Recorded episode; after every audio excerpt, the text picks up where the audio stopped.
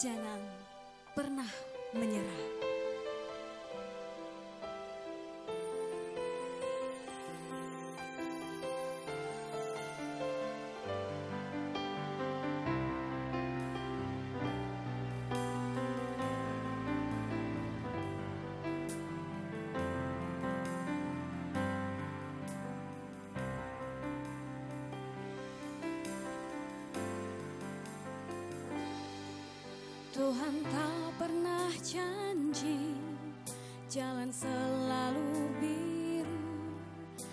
Tetapi Dia berjanji selalu menyertai.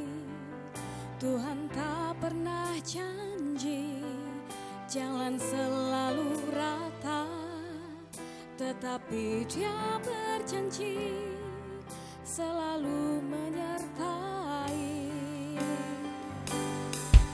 Jangan pernah menyerah, jangan berputus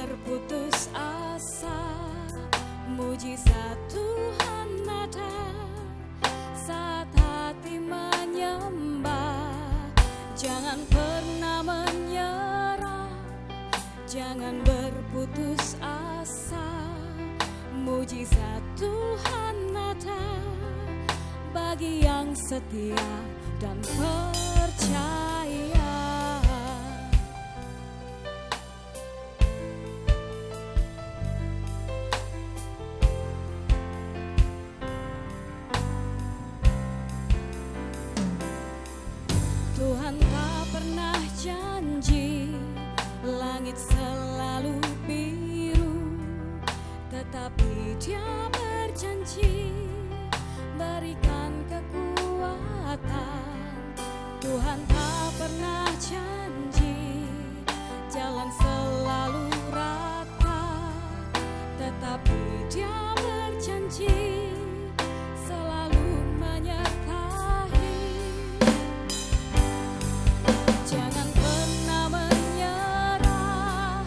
Jangan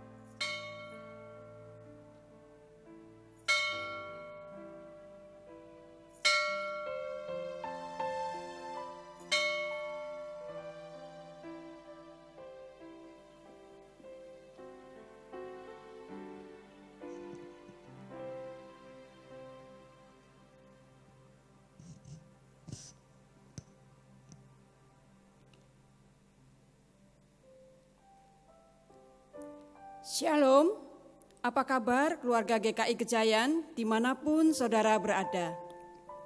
Tetap teguh dan tegar dalam pengharapan.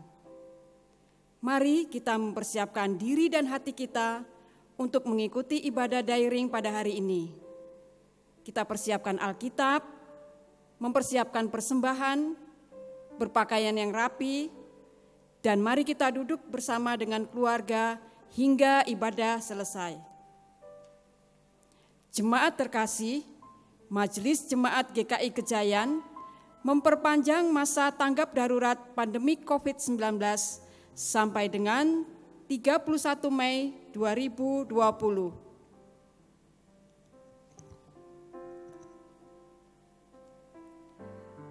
Oleh karena itu, kita akan beribadah dari rumah atau dari tempat kita masing-masing dengan tetap semangat dan sukacita. Saat ini kami mohon perhatian saudara untuk menyampaikan beberapa hal sebagai berikut. Ibadah minggu dilaksanakan secara online setiap hari minggu pukul 8 dan 16 WIB dan juga dapat didengar di Radio Petra pukul 12 WIB. Ibadah sekolah minggu dilakukan secara online setiap hari minggu pukul 10 WIB. Persekutuan remaja setiap hari Sabtu pukul 16 WIB dan dilanjutkan dengan persekutuan pemuda pukul 18 WIB secara online.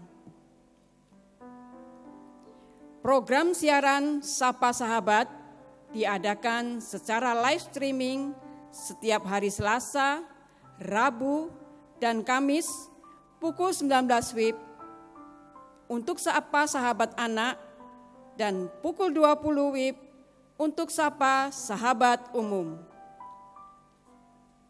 Kelas pembinaan pranika sebagai prasyarat pernikahan akan diadakan di bulan Juni 2020 secara online. Bagi pasangan yang ingin mengikuti kelas ini, silakan mendaftar ke kantor gereja pada setiap jam kerja. Pelayanan klinik sementara masih belum dilayankan. GKI Gejayan membuka program Gejayan Tetulung merupakan satu program yang diangkat dari realitas keprihatinan akibat pandemi COVID-19 dan dikemas dalam bentuk seperti pasar online yang bertujuan untuk saling menolong dalam hal perekonomian jemaat. Program ini diutamakan untuk anggota jemaat dan aktivis yang sudah punya usaha baru akan membuka usaha, dan yang sedang membutuhkan pekerjaan.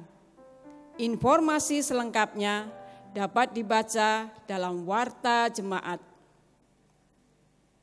Tanggap darurat COVID-19 diwujudkan dalam bentuk kegiatan seperti dalam slide berikut ini.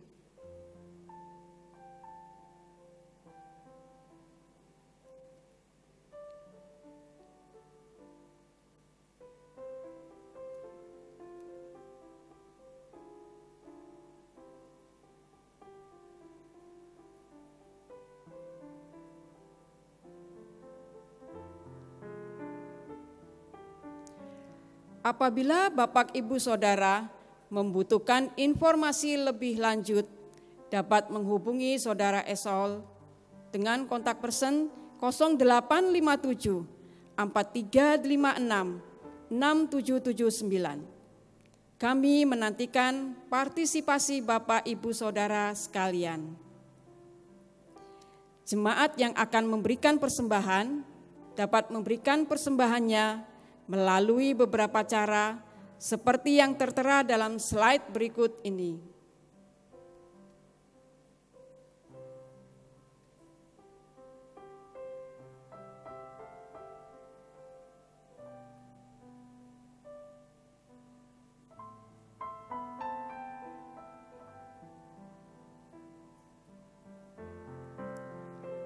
Kantor gereja tetap buka sesuai dengan jam kerja yang tertera dalam warta jemaat dan Garden of Prayer tetap dibuka setiap hari mengikuti jam kerja kantor gereja.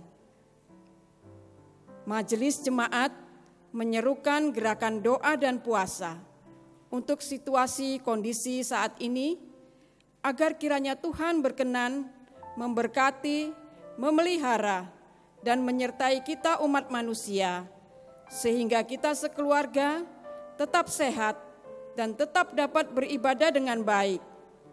Dan penyebaran COVID-19 dapat dihentikan di seluruh dunia. Yang sakit yang terpapar virus dapat dipulihkan, serta keadaan masyarakat, bangsa dan negara, dan seluruh dunia dapat dipulihkan kembali. Kebaktian pada hari ini dengan tema kebaktian, keberanian menjalani hidup. Dengan pelayan firman, Pendeta Guratan Pamentasing Pragolaisa. Bersama dengan keluarga, mari kita siapkan hati kita untuk bersama memuji dan mendengarkan firman Tuhan. Mari kita masuk saat teduh.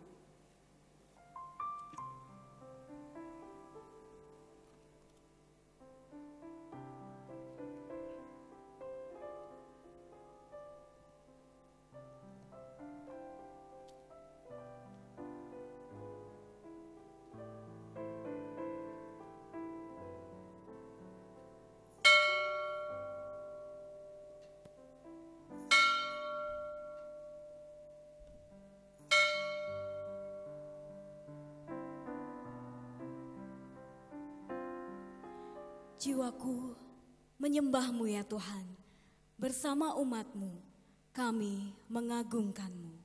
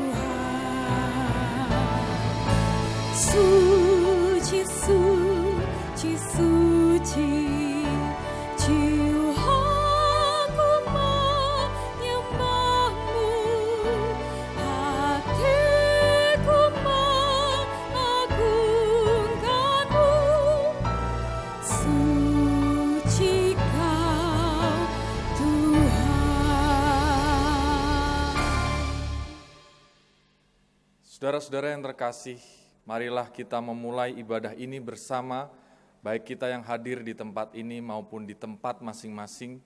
Kita memulai ibadah dengan pengakuan demikian. Pertolongan kita adalah di dalam nama Tuhan yang menjadikan langit dan bumi, yang kasih setianya tetap untuk selama-lamanya, yang memelihara umat manusia di tengah segala pergumulan dan goncangan kehidupan.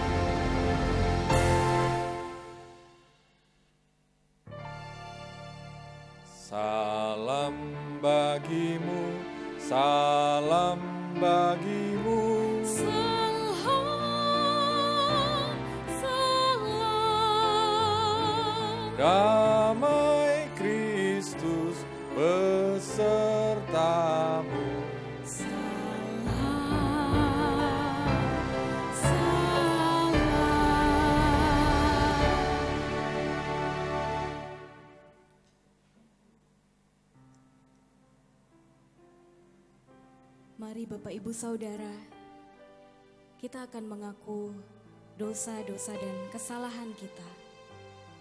Mari kita berdoa.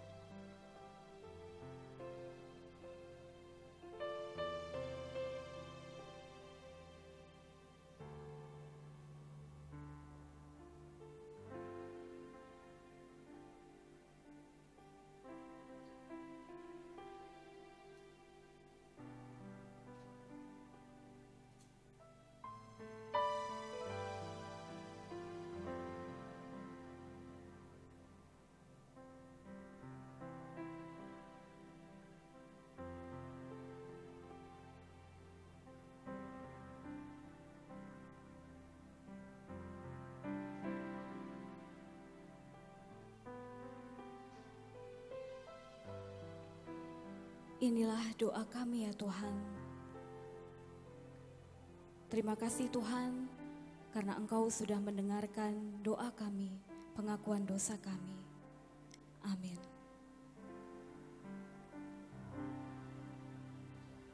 Mari kita bangkit berdiri dan menyambut berita anugerah pengampunan dari Tuhan yang pada hari ini kita merenungkannya melalui Yohanes 8 ayat 12.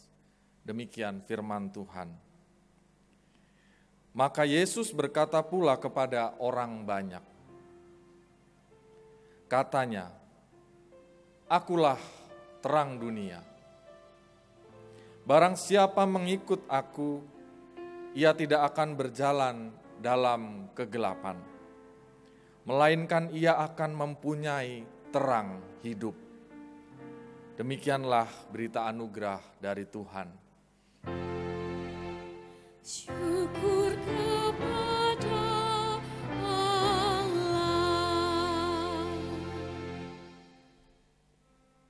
Bukalah mata kami untuk melihat dan telinga kami untuk mendengar. Bersabdalah, hati kami siap.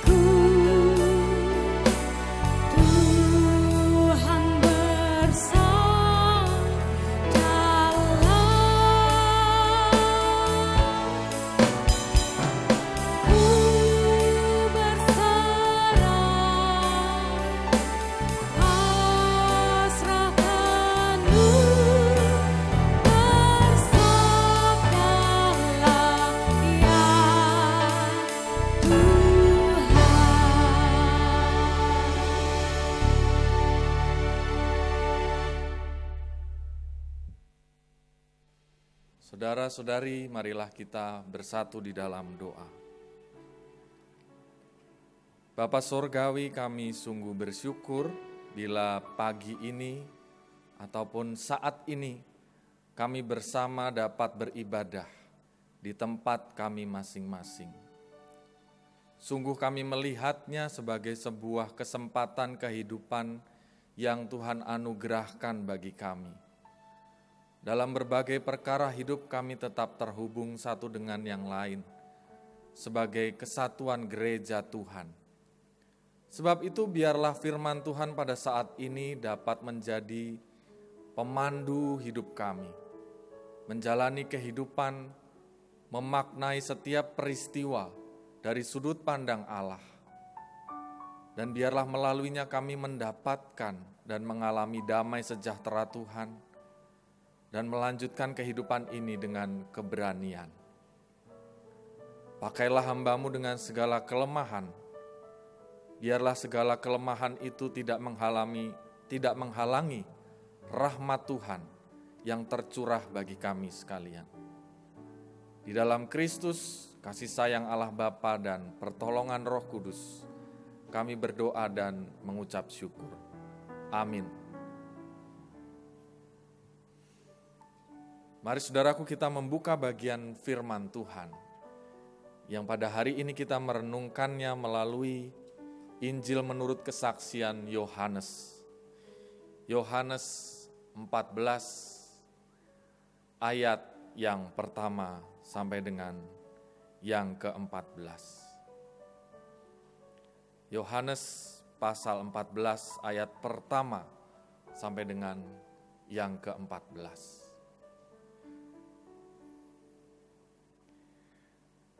Diberikan judul oleh Lembaga Alkitab Indonesia, Rumah Bapa. Janganlah gelisah hatimu, percayalah kepada Allah, percayalah juga kepadaku. Di rumah Bapakku banyak tempat tinggal. Jika tidak demikian tentu aku mengatakannya kepadamu. Sebab aku pergi ke situ untuk menyediakan tempat bagimu.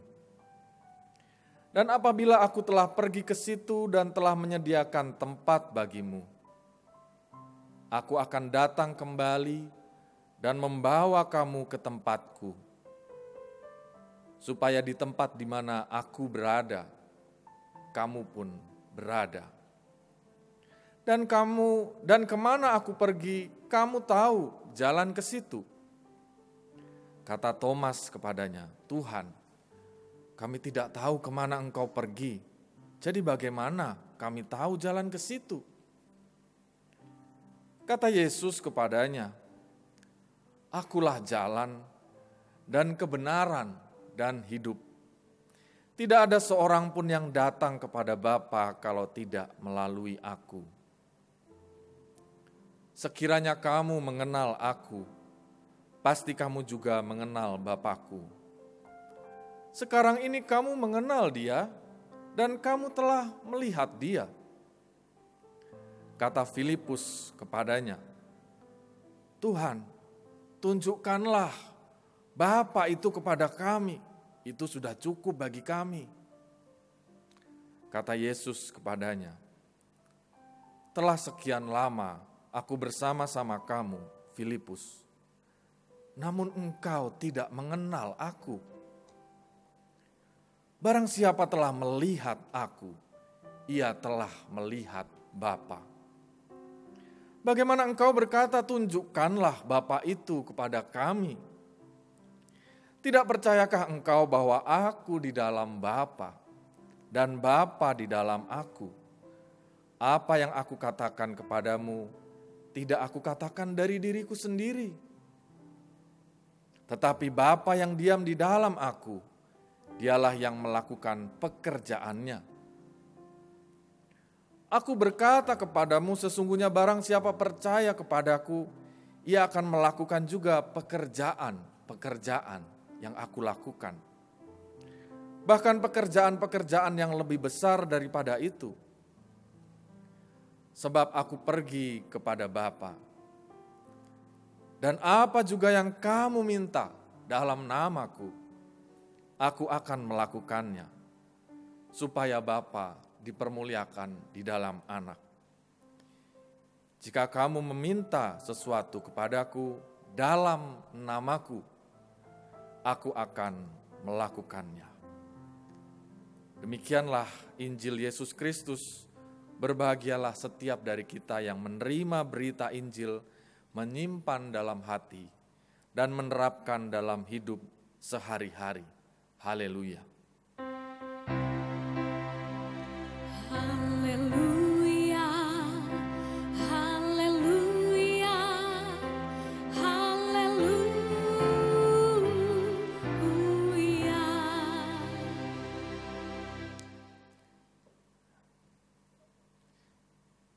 Shalom saudaraku di mana pun saudara berada, di tempat masing-masing.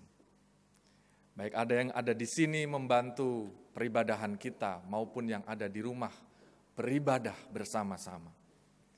Saudara yang terkasih, ungkapan-ungkapan dalam Yohanes 14 begitu akrab bagi banyak orang, banyak dari kita. Ungkapan yang populer meneduhkan hati. Ketika Yesus berkata, "Akulah jalan dan kebenaran dan hidup." Tidak ada seorang pun yang datang kepada Bapa kalau tidak melalui aku. Ada juga yang sebelumnya.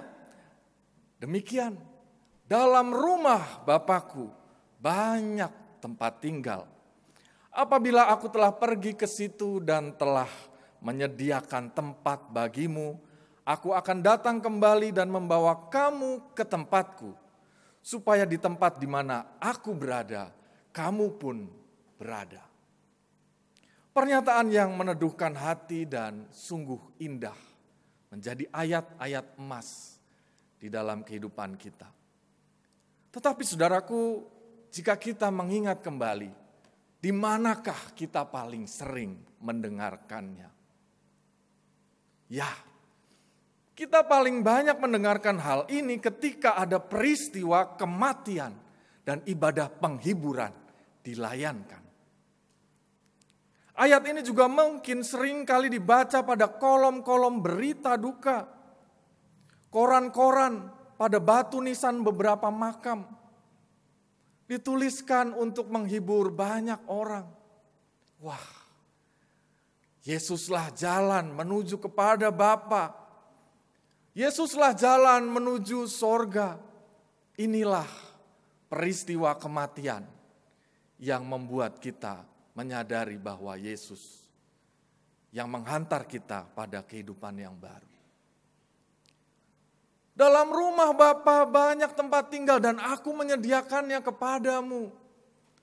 Sehingga ketika dituliskan di dalam batu nisan itu menjadi begitu manis. Setiap orang membaca kemudian ia teringat. Ah, betul. Sebetulnya orang-orang memiliki rumah bersama dengan Sang Bapa. Namun saudaraku, jika memang betul ini dibacakan pada saat-saat kematian, pertanyaannya adalah sebenarnya untuk siapa ayat-ayat ini diperdengarkan? Untuk orang yang hidup atau orang yang mati? Untuk orang yang ada di dalam batu nisan atau orang yang ada di depan batu nisan. Supaya pendengarnya siap menjalani hidup atau siap menghadapi kematian. Saudara yang dikasih Tuhan, ketika kita membaca bagian firman Tuhan ini, rupanya ini adalah bagian dari firman Tuhan di dalam kitab Injil Yohanes yang sangat lekat dengan hubungan Yesus, Sang Bapa, dan juga para muridnya. Orang-orang yang percaya, satu relasi yang intim, yang begitu indah, yang tidak ditemukan di dalam Injil lain. Misalnya saja kita melihat di dalam Yohanes 15. Di sana dikatakan, akulah pokok anggur yang benar, Bapakku pengusahanya, dan kamu ranting-rantingnya. Artinya Yesus, Tuhan, berkarya di dunia tidak dengan dirinya sendiri, tetapi dengan kita. Lalu juga di Yohanes 13, Yesus membasuh kaki murid-muridnya. Rupanya yang serupa tidak ditemukan di Injil lain. Ada satu relasi yang dibangun oleh sang penulis Injil Yohanes tentang kedekatan relasi itu. Yohanes 10, Yesus sebagai gembala dan kita adalah domba-dombanya. Satu relasi yang begitu akrab mempertaruhkan nyawa untuk sang domba yang bahkan hilang satu saja, Yesus akan mencarinya. Dan pada saat ini kita membaca bagian Yohanes 14. Kali ini keintiman itu dilanjutkan oleh Yesus dalam peristiwa bagaimanakah kami ketika kami menghadapi kematian. Sekaligus pengantar bahwa Yesus sebentar lagi akan menghadapi kematian. Apa yang akan terjadi kemudian jika kematian dihadapi oleh Yesus? Tetapi kemudian kita mendapati ungkapan yang sangat meneduhkan hati tadi. Oh, ternyata kematian tidak memisahkan kita dari kasih Allah. Oh, ternyata kita orang Kristen yang siap menghadapi kematian. Tetapi saudara, apakah ini firman tentang kematian atau kehidupan? Sebab dilanjutkan di dalam ayat berikutnya, di dalam ayat yang keenam, akulah jalan dan kebenaran dan hidup. Tidak ada seorang pun yang datang kepada Bapa kalau tidak melalui aku. Apa arti dari pernyataan ini? Pernyataan ini bukan sekedar bahwa iya Yesus dapat membawa orang berdosa, diampuni, percaya, mati masuk sorga, bukan tentang kehidupan yang berikutnya saja. Tetapi sejatinya Yesus berkata bukan juga tentang agama-agama. Oh, dengan firman ini saya tahu kalau sudah jadi orang Kristen pastilah masuk sorga. Wah kalau yang tidak kayaknya tidak demikian. Bukan tentang demikian saudara. Apalagi kekristenan baru lahir di abad yang keempat. Sebab itu kalau kita memperhatikan bahasa aslinya menjadi menarik sebab ternyata kata jalan diambil dari kata hodos. Yang dalam terjemahan bahasa Inggrisnya dikatakan as a manner of living and acting way of life. Sebagai cara hidup dan cara bertindak dalam kehidupan. Dengan demikian kata jalan di sini bukanlah sebuah kata benda. Bukanlah menceritakan kata tempat, tetapi sebuah kata kerja dan kata sifat, sebuah perjumpaan dan sebuah kata kerja tentang gaya hidup Yesus. Bahwa ketika kita ingin sampai pada kehidupan yang sejati yang kekal itu, kepada Sang Bapa, maka ikutilah jalan hidup Yesus. Di sinilah ternyata Yesus berkata-kata tentang sesuatu hal yang sama sekali berbeda tentang klaim eksklusivitas bahwa agama ini yang benar, agama yang itu yang salah. Tetapi ia membuka kepada para pendengarnya bukan tentang religiusitas, tentang keagamaan, tetapi tentang spiritualitas. Bukan tentang hidup keagamaan dan peraturan ini dan itu yang menganggap kita lebih benar dari orang lain. Tetapi tentang bagaimana kita menghayati relasi kita dengan Kristus dan bagaimana kita mengikuti jalan hidup Kristus. Sebab menjadi menarik ketika kita mengikuti jalan hidup Kristus itu, maka kita sampai juga kepada kebenaran, aletheia. Dalam bahasa asli, kebenaran itu bercirikan tentang kasih. Artinya, ketika kita mengikuti jalan hidup Yesus, kita terbebaskan dari kebencian, dari dendam yang ingin membelenggu kemanusiaan kita. Kita diberikan hidup di dalam kejujuran supaya kita tidak lelah dalam kepura-puraan hidup. Bahwa memang kita adalah manusia berdosa. Dan sejatinya Allah mencari kita yang berdosa. Kita datang kepadanya apa adanya. Kita hidup di dunia ini sebagaimana kita adanya. Dan Allah mencintai kita apa adanya di dalam ketulusan, di dalam kesetiaan yang membawa kepada kehidupan. Kata kehidupan diambil dari kata zoe, artinya kehidupan kekal. Tetapi kehidupan kekal yang dimaksud di sini bukanlah sebuah kehidupan yang kita maksudkan atau kita sering terjemahkan kehidupan yang nanti, yang akan datang.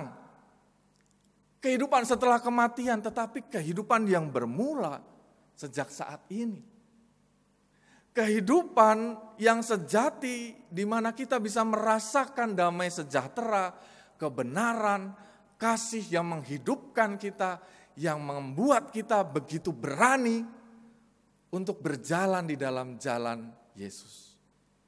Yang tidak sama atau belum tentu sama dengan apa yang ada diajarkan di dunia ini.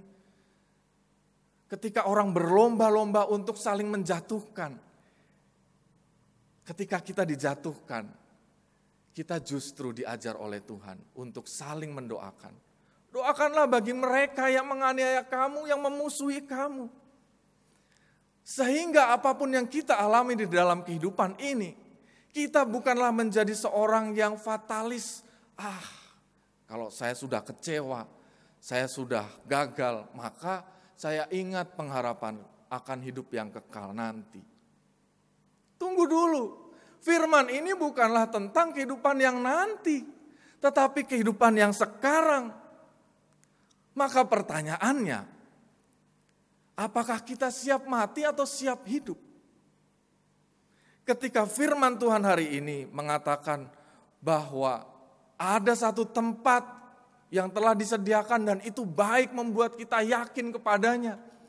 Tetapi sebenarnya ia memaksudkan untuk mengikuti jalan hidup yang ia lakukan di dunia ini.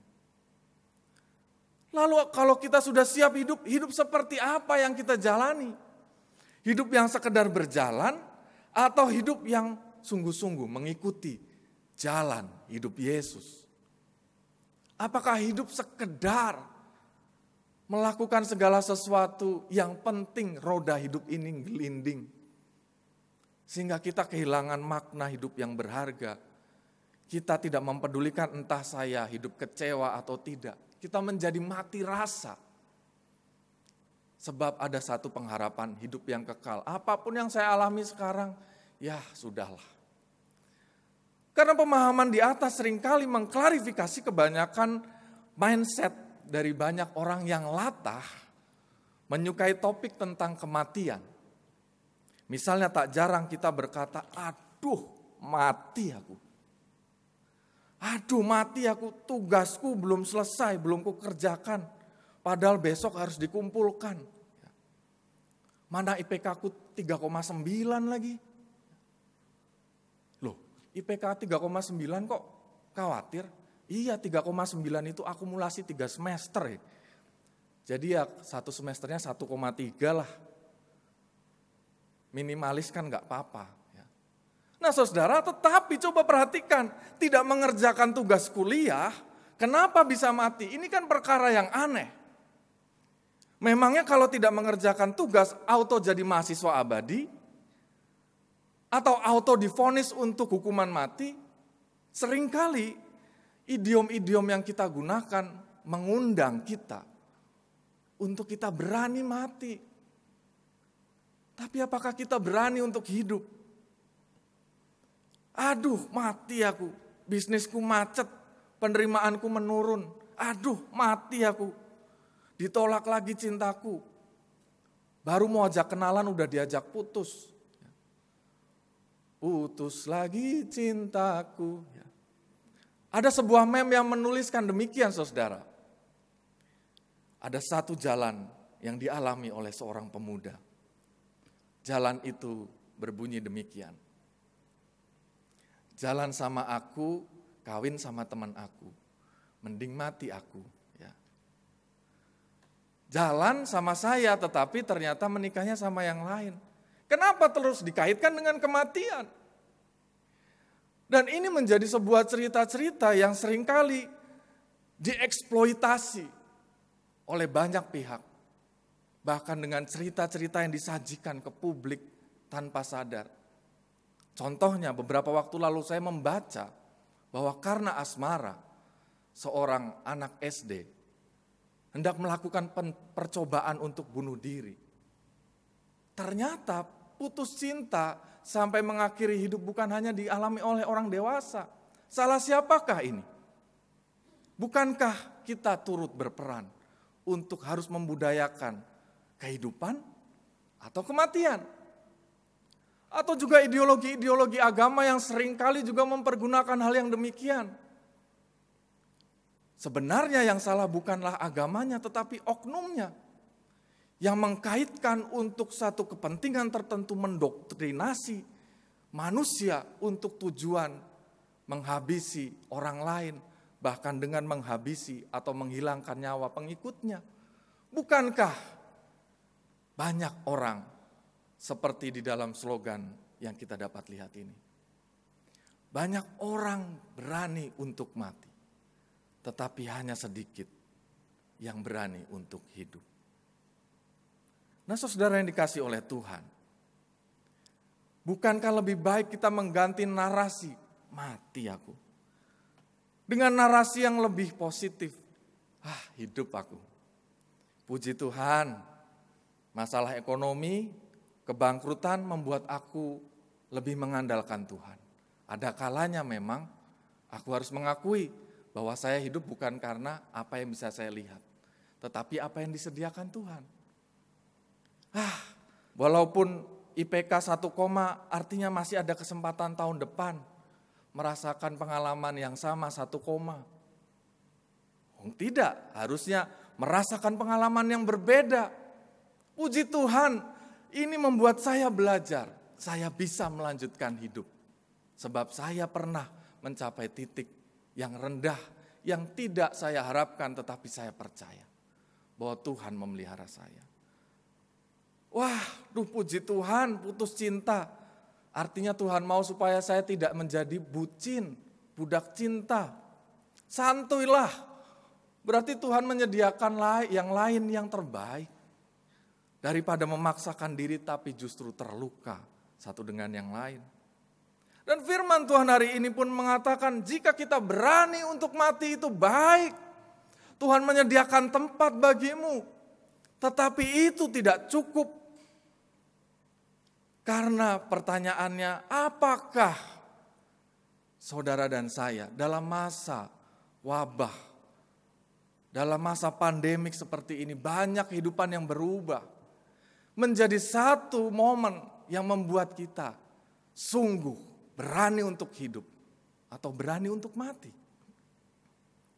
Karena hanya dengan mengikuti jalan hidup Yesus yang berani menghadapi kematian tetapi sekaligus berani menjalani kehidupan sebagai sebuah kesempatan membawa kepada kebenaran dan kehidupan yang kekal yang sudah dirasakannya sejak ia hidup dahulu sampai ia naik ke surga mengalahkan maut dan itulah yang akan kita nikmati kelak juga jika kita mengikutinya.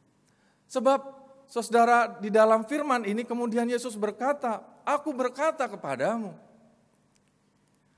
Sesungguhnya barang siapa percaya kepadaku, ia akan melakukan juga pekerjaan-pekerjaan yang aku lakukan.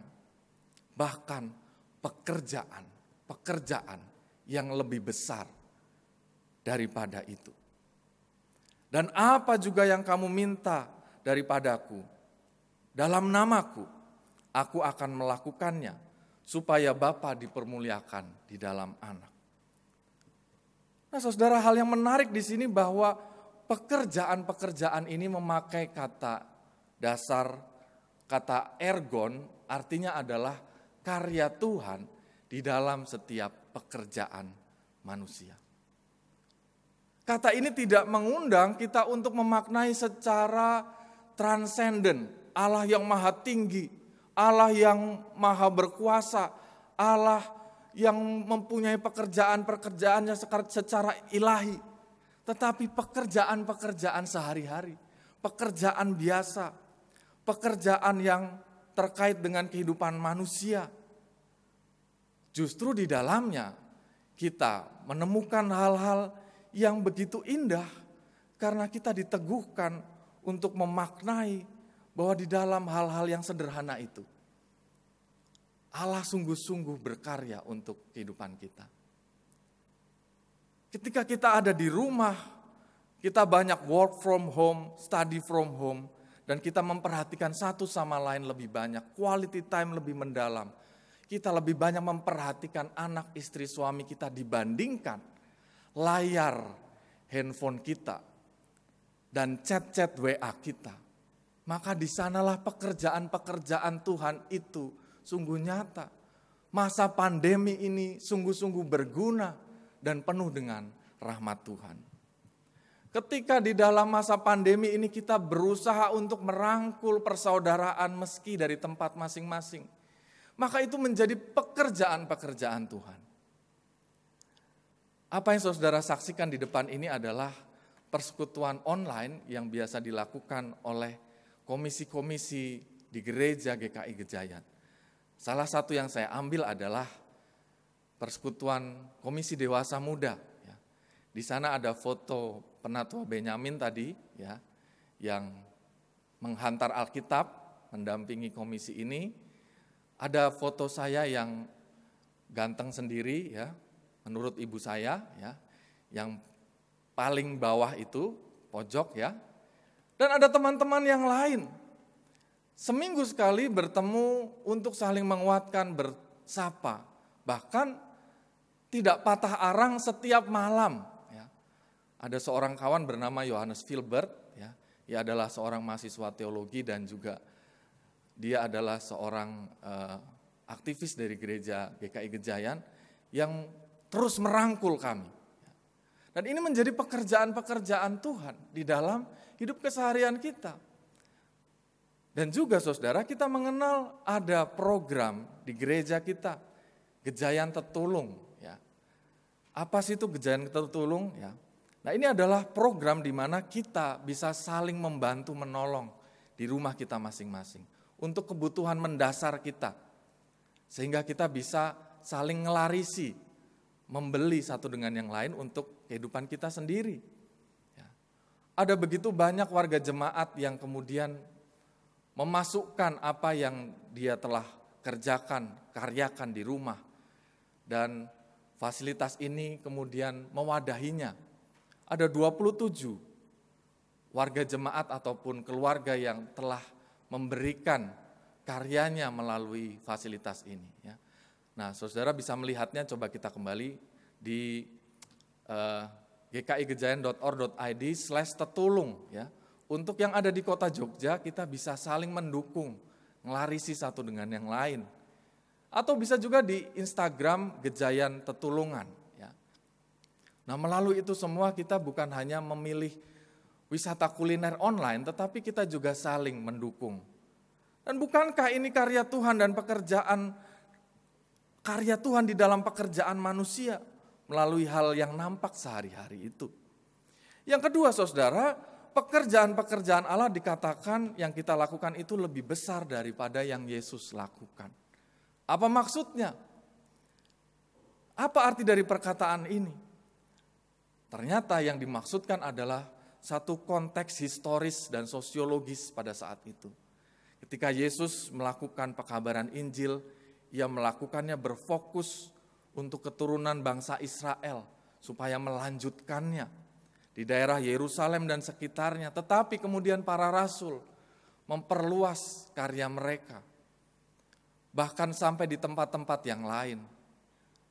Denah yang kita lihat ini adalah peta zaman perjanjian baru. Ketika Rasul Paulus memberitakan Injil dalam perjalanannya yang pertama, kedua, ataupun yang ketiga Bukan hanya di Yerusalem, tetapi juga sampai yang kalau kita lihat di Asia Minor gitu ya, atau Asia kecil di situ, yang sekarang itu adalah wilayah Turki dan juga Syria di selatannya, sampai di Yunani dan Roma.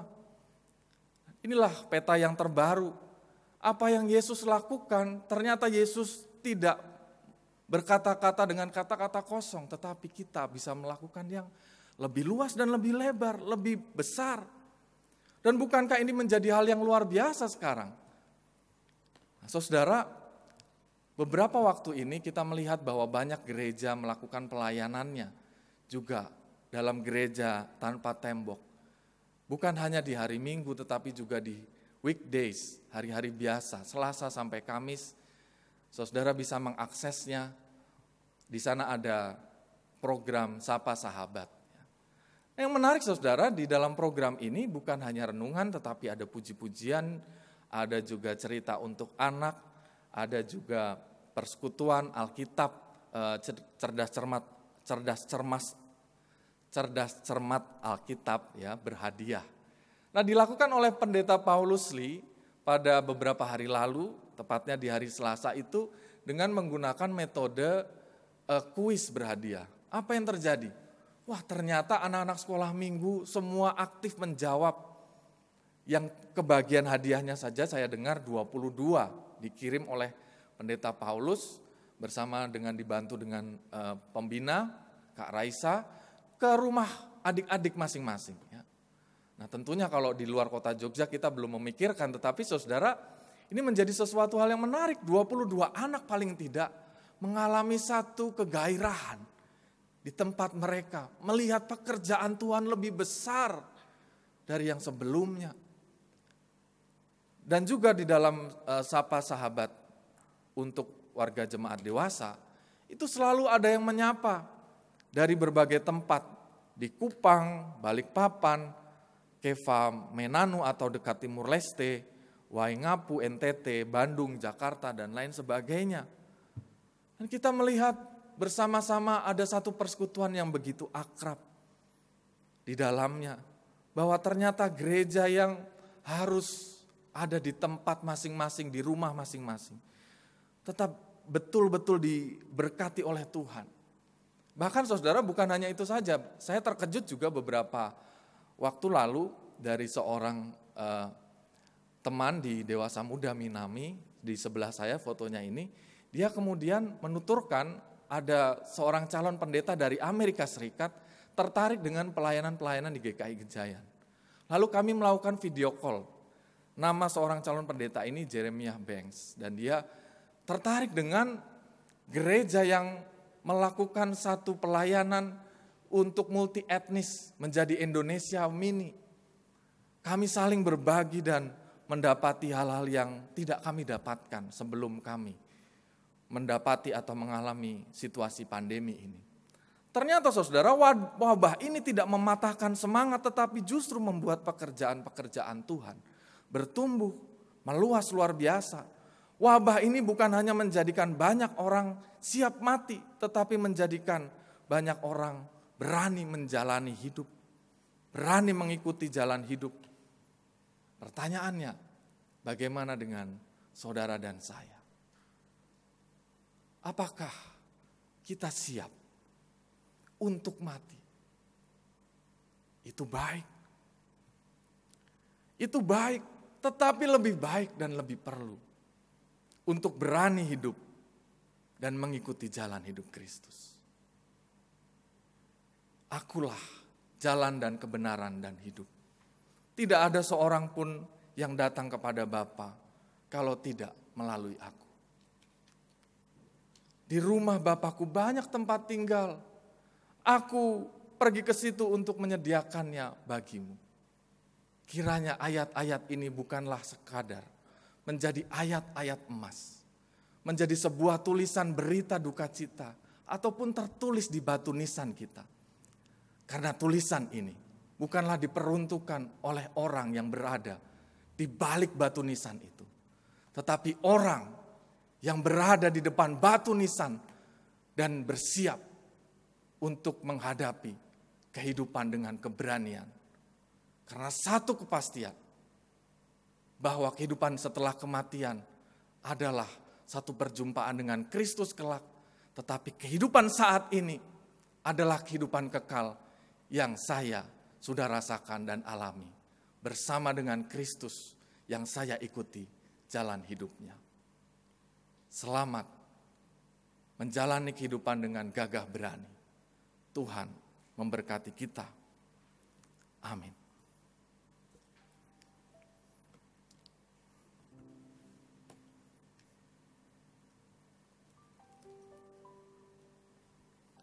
saat teduh bagi kita sekalian.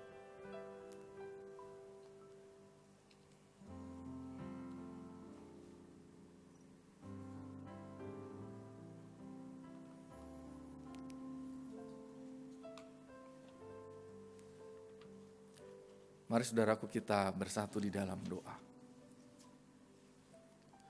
Bapak Sorgawi kami sungguh bersyukur bila hari ini kami dapat mengenang kembali firman Tuhan yang meneguhkan kami. Bahwa engkaulah jalan dan kebenaran dan hidup. di dalammu kami menemukan kehidupan setelah kematian. Kami berani menghadapi kematian, sekaligus kami berani menjalani kehidupan ini dengan mengikuti jalan hidup Yesus. Karena hanya melalui jalan hidup Yesus itulah kami menemukan kebenaran. Kami dibebaskan dari dendam, iri hati, hidup di dalam cinta kasih. Kami hidup di dalam pengampunan. Kami hidup di dalam kesetiaan. Dan hidup yang kekal, yang sejati kami rasakan kini sampai selama-lamanya. Oleh karena itu Tuhan, biarlah firman Tuhan ini meneguhkan kami. Di tengah masa pandemi ini, banyak kehidupan telah berubah pekerjaan-pekerjaan yang harus berubah, pemasukan yang berubah, dan banyak hal lain yang berubah Tuhan. Membuat kami sering kali harus berputus asa. Tetapi kami tidak mau menatap apa yang sedang terjadi ini dengan satu tatapan untuk menyerah dan mati. Tetapi dengan percaya bahwa Justru di dalam semuanya ini, kami semakin dekat dengan Kristus. Kami sedang menjalani perjalanan kehidupan yang serupa dengan Kristus. Di dalam setiap derita, di dalam setiap pergumulan, membuat kami mengandalkan Allah Bapa, Sang Pemilik kehidupan yang menyediakan segalanya bagi kami. Berkatilah kami Tuhan di dalam pekerjaan-pekerjaan yang sedang kami geluti untuk bertahan.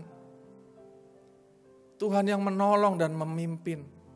Berkati jugalah kami supaya kami dapat melihat peluang-peluang yang baru dan di sana Tuhan memberkati dengan begitu ajaib.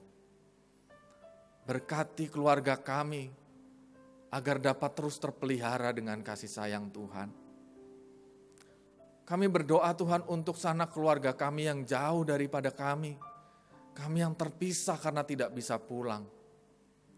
Biarlah diri kami ataupun mereka semua tinggal dalam kesehatan yang baik, yang prima, dapat menjaga kondisi dengan baik dan juga menghidupi keluarga masing-masing ataupun keluarga yang ada berjauhan itu dengan limpah kasih, karunia, berkat rezeki dari Allah Bapa. Tuhan kami mau berdoa untuk studi anak-anak kami, Sebentar mungkin beberapa dari antara mereka akan menghadapi ujian. Sebentar beberapa dari antara mereka mungkin sudah menyelesaikannya dan akan naik ke jenjang berikutnya. Tuhan kami tidak tahu berapa lama masa pandemi ini akan berakhir. Tapi satu hal yang kami tahu, bahwa di dalam perubahan hidup itu tetap ada harapan, tetap ada kebaikan-kebaikan Tuhan yang dapat kami icipi, dapat kami nikmati, dapat membuat anak-anak kami bertumbuh, belajar dengan optimal, dapat membuat mereka cerdas, menjadikan mereka bagian dari bangsa ini yang terus berkembang menjadi bangsa yang kuat, yang bertumbuh, yang sehat, yang terpelihara lahir dan batin. Sehingga masa depan bagi anak-anak kami dalam peristiwa seperti sekarang ini entah sampai kapan kami harus bertahan dan beradaptasi, tetap mereka dapat bertumbuh di dalam pimpinan Tuhan. Kami berdoa Tuhan untuk orang-orang yang ada di dalam pelayanan-pelayanan kesehatan, pelayanan-pelayanan bimbingan untuk psikolog, psikiater, yang banyak menangani mereka yang terdampak dalam situasi demikian. Berkati mereka Tuhan, jaga mereka dengan kesehatan yang prima. Biarlah setiap kebutuhan APD dan kebutuhan-kebutuhan medis lain untuk mereka dapat tercukupi. Mereka yang sakit corona dapat disembuhkan. Mereka yang berduka dapat dipulihkan dan diberikan penghiburan. Dan biarlah Tuhan kami dapat bersama melewati masa pandemi ini. Di dalam pengharapan dan kasih sayang, sukacita yang kami dapat terus rasakan hari demi hari, sampai semuanya dapat berlalu dan kami menjalani kehidupan yang baru dalam misteri ilahi yang berlimpah-limpah dengan cinta kasih. Karena itu Tuhan biarlah kami serahkan seluruh kehidupan kami ini di dalam tangan Tuhan. Tuhan yang memberikan hidup kepada kami. Tuhan yang merawat kehidupan kami. Tuhan yang menjaga dan mendekatkan kami dari sekarang sampai selama-lamanya.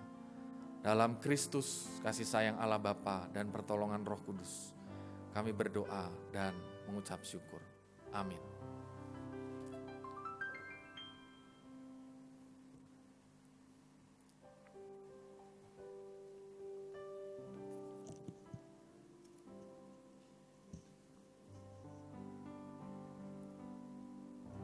Jemaat yang dikasih Tuhan, marilah bersama-sama kita mengucapkan pengakuan iman kita yang demikian. Aku percaya kepada Allah, Bapa yang Maha Kuasa, Halik langit dan bumi, dan kepada Yesus Kristus, anaknya yang tunggal Tuhan kita, yang dikandung dari roh kudus, lahir dari anak darah Maria, yang menderita sengsara, di bawah pemerintahan Pontius Pilatus, disalibkan, mati dan dikuburkan, turun ke dalam kerajaan maut. Pada hari yang ketiga, bangkit pula dari antara orang mati, naik ke sorga, duduk di sebelah kanan Allah, Bapa yang Maha Kuasa.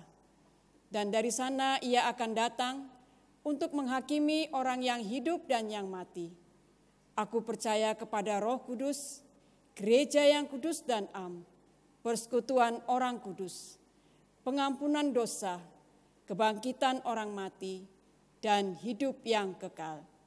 Amin.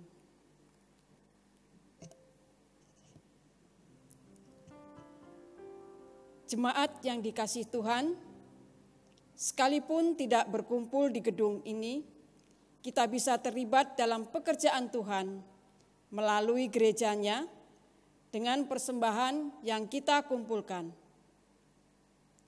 Hal nyata yang bisa kita lihat saat ini adalah gebetan COVID-19.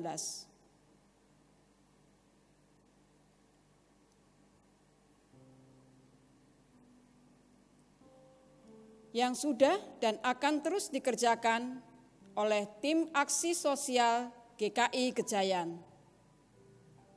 Mari kita mempersembahkan kualitas persembahan yang terbaik melalui mentransfer persembahan tersebut ke rekening sebagai berikut.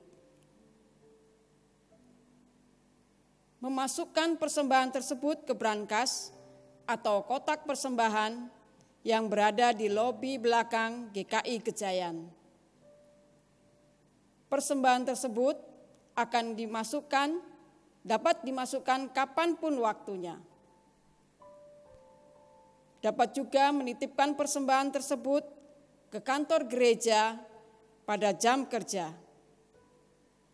Jika jemaat memerlukan bantuan, silakan hubungi nomor telepon 0274 560 774. Mari kita mengumpulkan persembahan dengan mengingat Mazmur 50 ayat yang ke-23, mari kita baca bersama-sama. Siapa yang mempersembahkan syukur sebagai korban, ia memuliakan aku. Siapa yang jujur jalannya, keselamatan yang dari Allah akan kuperlihatkan kepadanya. Selamat mempersembahkan yang terbaik bagi Tuhan.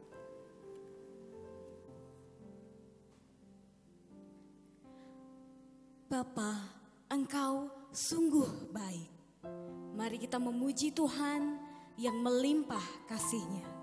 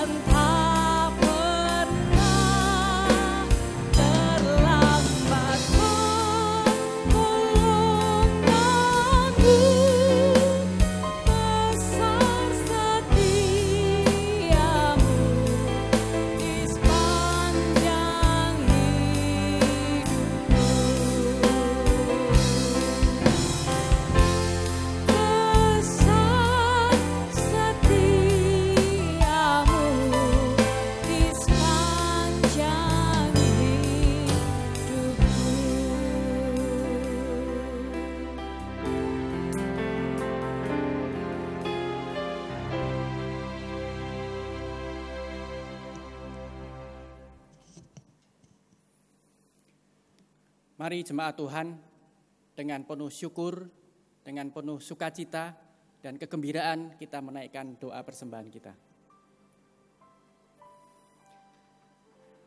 Ya Tuhan Allah Bapa kami, Allah yang menjadi sumber kekuatan, Allah yang menjadi sumber keberanian kami di dalam menjalani hidup kami. Kami sungguh bersyukur Tuhan, di situasi yang sulit, di situasi yang membuat kami takut, khawatir, dan cemas. Tangan Tuhan senantiasa hadir dalam hidup kami. Engkau senantiasa menjumpai kami, pribadi lepas pribadi, untuk kami boleh melihat, merasakan, dan mengalami Tuhan di dalam hidup kami. Di saat kami kekurangan, ada begitu banyak cara Tuhan menolong kami. Engkau hantarkan orang-orang yang menolong kami. Engkau berikan kekuatan kepada kami semua untuk kami boleh melanjutkan hidup kami. Ya Tuhan, kalau saat ini kami boleh bersama-sama mengumpulkan persembahan kami. Baik kami membawa tunai maupun non-tunai yang kami kirimkan ke rekening gereja kami. Kiranya Tuhan berkati agar persembahan ini sungguh menjadi wujud ucapan syukur kami atas kebaikan, atas kemurahan, dan anugerah Tuhan dalam hidup kami. Tuhan berkati untuk majelis jemaat yang akan mengelola persembahan ini, baik untuk operasional gerejamu, agar pekerjaan-pekerjaan Tuhan boleh terus berjalan di tengah situasi yang sulit ini. Tuhan juga berkati rekan-rekan aktivis di dalam tim aksi sosial, tim gebetan COVID-19, agar terus berjuang untuk menolong, untuk membantu dan mengunjungi setiap jemaat Tuhan yang mengalami kesulitan dan kekurangan. Kami menyerahkan Tuhan persembahan ini agar menjadi sumber kekuatan, agar menjadi berkat di dalam kehidupan kami semua. Kami naikkan persembahan kami hanya di dalam nama Bapa, Anak, dan Roh Kudus. Amin.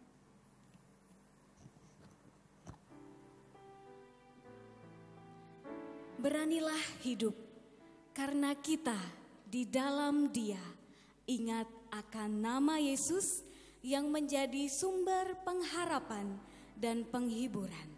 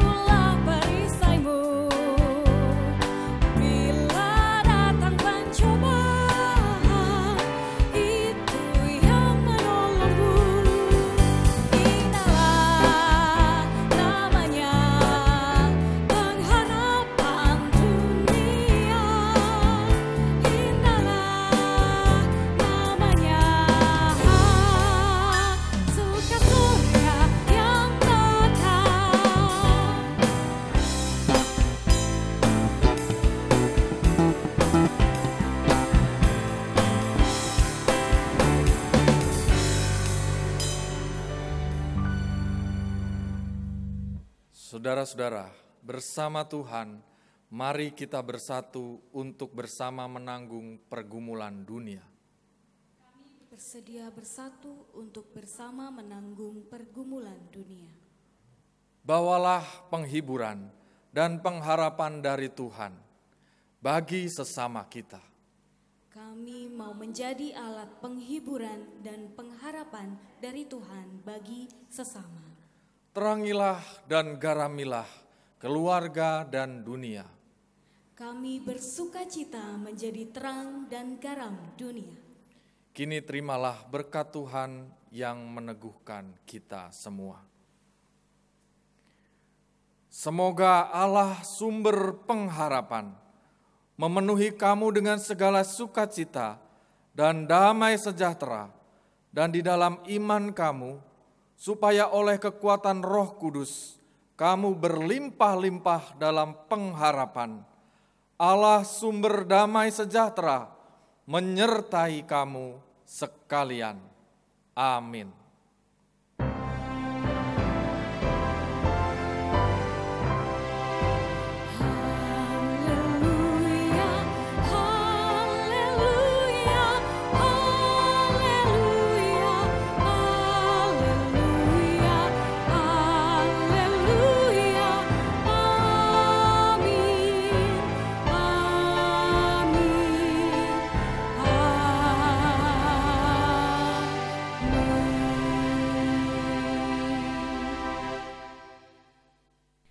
Selamat hari Minggu, tetap semangat di dalam Tuhan.